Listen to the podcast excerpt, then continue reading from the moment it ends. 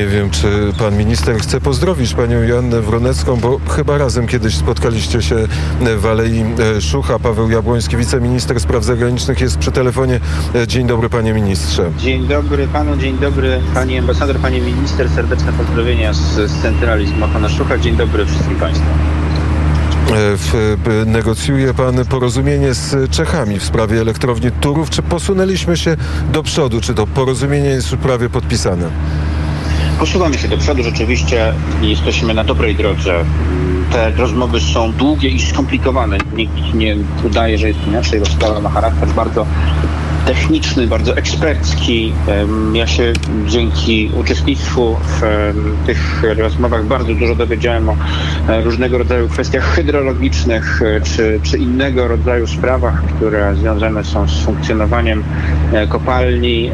I to wszystko eksperci wypracowują. Przesunęliśmy się bardzo mocno do przodu przez ostatnie tygodnie. Wciąż jeszcze kilka spraw pozostało do zakończenia, więc w przyszłym tygodniu kolejna runda i mam nadzieję, że będziemy y, coraz bliżej zawarcia tego porozumienia. E, ale e, gdzie, diabeł tkwi w, w szczegółach. Co jest e, Jak najtrudniejszego zawsze. w tych rozmowach?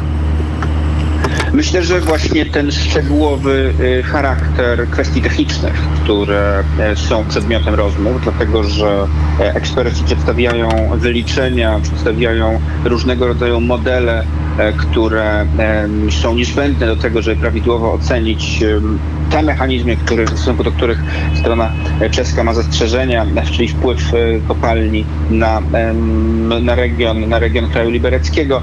Nasi eksperci przedstawiają e, również wyliczenia, toczą się dyskusje na ten temat, wypracowywane są wspólne modele. To musi trochę potrwać, bo po prostu, żeby zrobić rzetelnie, to musi być to bardzo dokładnie sprawdzone e, dziennikarskie ucho wygląda na to, że chodzi o pieniądze, czyli o wielkość odszkodowania, które e, Polska będzie musiała Czechom zapłacić. To również jest elementem e, rozmowy, to również jest elementem negocjacji. Natomiast ja chciałbym podkreślić jedną rzecz, to zresztą też jest omawiane.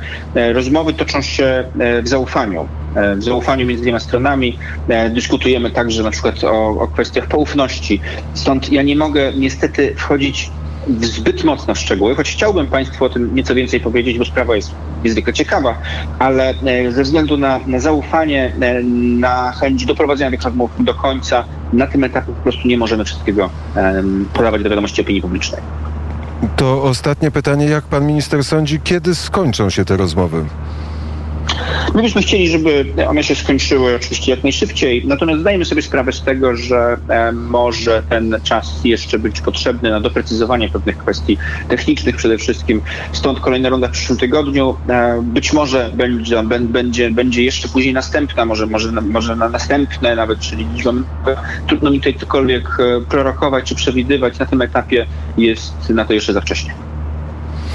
To w takim razie z, zmieńmy partnera rozmowy, stosunki polsko, e, polsko-amerykańskie e, po, e, po uchwaleniu przez polski parlament ustawy modernizującą prawo Krajowej Rady Radiofonii i Telewizji.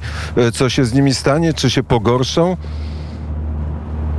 Myślę, że stosunki między dwoma państwami sojuszniczymi, państwami, które bardzo ściśle sobą współpracują, zawsze mogą być oceniane jako pogarszające się, jeżeli mamy do czynienia z sytuacją sporną. Bo tak, taka jest natura tego dyskursu medialnego, że w każdej sprawie, w każdej sprawie, w której mamy odmienne zdania, jest to przedstawiane w zasadzie jako no, całkowite pogorszenie, czasami słyszę wręcz o zerwaniu stosunków. Jest to e, oczywiście przejaw takiego bardzo wybiórczego, e, cząstkowego traktowania polityki zagranicznej, bo w każdym suwerennym państwie, w każdych, w każdych dwóch suwerennych państwach może być taka sytuacja, że na tą samą sprawę patrzą zupełnie inaczej. My, jeżeli się w jakiejś sprawie ze Stanami Zjednoczonymi nie zgadzamy, również bardzo otwarcie to Naszym partnerom komunikujemy. Przykładem jest e, kwestia Nord Stream 2 i e, zmiany decyzji administracji amerykańskiej, rezygnacji z sankcji przeciwko temu gazociągowi. E, nam się to nie podoba, bardzo otwarcie o tym mówimy, mówimy to również naszym partnerom amerykańskim, ale nie zmienia to faktu, że strategiczne kwestie, które powodują, że sojusz polsko-amerykański pozostaje myślę, że najmocniejszy w historii. Jeśli chodzi o kwestię bezpieczeństwa, stabilności, pokoju w Europie, e, to e, tutaj się absolutnie nic nie zmienia.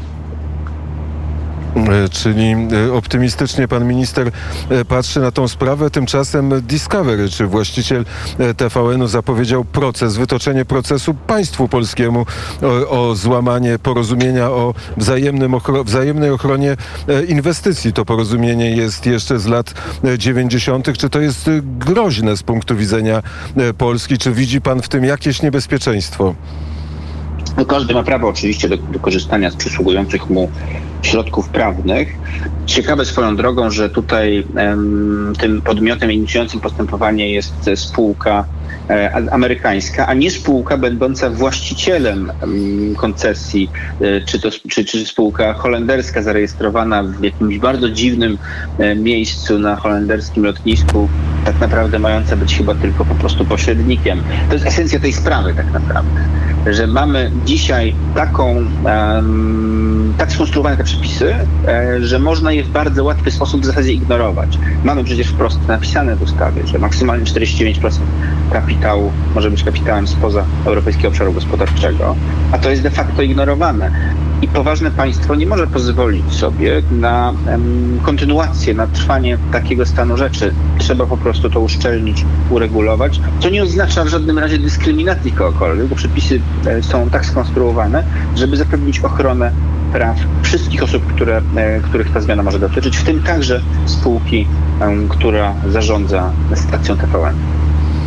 A jak e, wyglądają te kanały informacyjne między e, dyplomacją polską a dyplomacją amerykańską i dlaczego dochodzi do tego, że szef dyplomacji amerykańskiej wypowiada się na temat tego prawa w sposób negatywny, wiążąc je z wolnością słowa w Polsce i z demokracją? Myślę, że to wynika z e, chęci obrony interesów amerykańskiego inwestora. Każde państwo broni interesów swoich firm. To jest też rzecz zupełnie naturalna. Myślę, że nie powinniśmy się temu specjalnie dziwić. To jest prawo każdego państwa, kiedy nasze firmy e, są w jakiś sposób e, zagrożone działaniami administracji w innych państwach. Polskie Ministerstwo Spraw Zagranicznych również w tych sprawach interweniuje. Natomiast, tak jak mówię, my jesteśmy w pełni e, gotowi do tego, żeby o tym, o tym rozmawiać, pamiętając wszakże o podstawowej zasadzie, że prawo w Polsce tak stanowi polski parlament, tak jak prawo w Stanach Zjednoczonych stanowi Kongres Stanów Zjednoczonych, czy prawo w Izraelu stanowi e, izraelski Kneset. To są suwerenne decyzje wszystkich, każdego państwa z, z osobna. Nie można godzić się na to, żeby e, treść prawa e, w danym państwie była dyktowana przez inne państwa.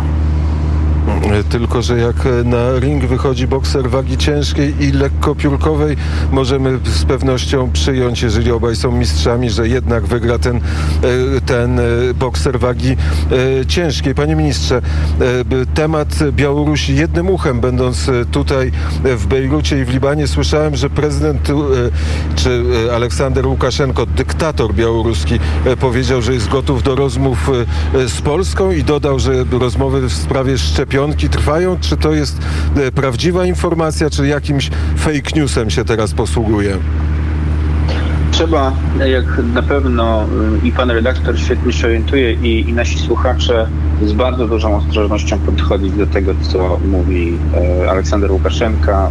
Słyszeliśmy z jego ust w ostatnich miesiącach bardzo różne sygnały y, oskarżające Polskę o przygotowywanie interwencji zbrojnej na Białorusi, różnego rodzaju działania, e, oczywiście kompletnie oderwane od rzeczywistości.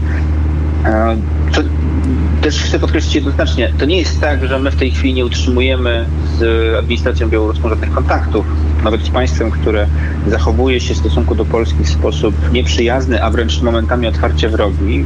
Zawsze z takimi państwami również staramy się zachowywać pewne kanały komunikacji. E, Natomiast e, no, nie, nie, nie, nie mogę tutaj wchodzić w zbyt duże szczegóły, no bo też jest to objęte e, pewnego rodzaju poufnością. E, Panie ministrze, bardzo e, serdecznie dziękuję za rozmowę.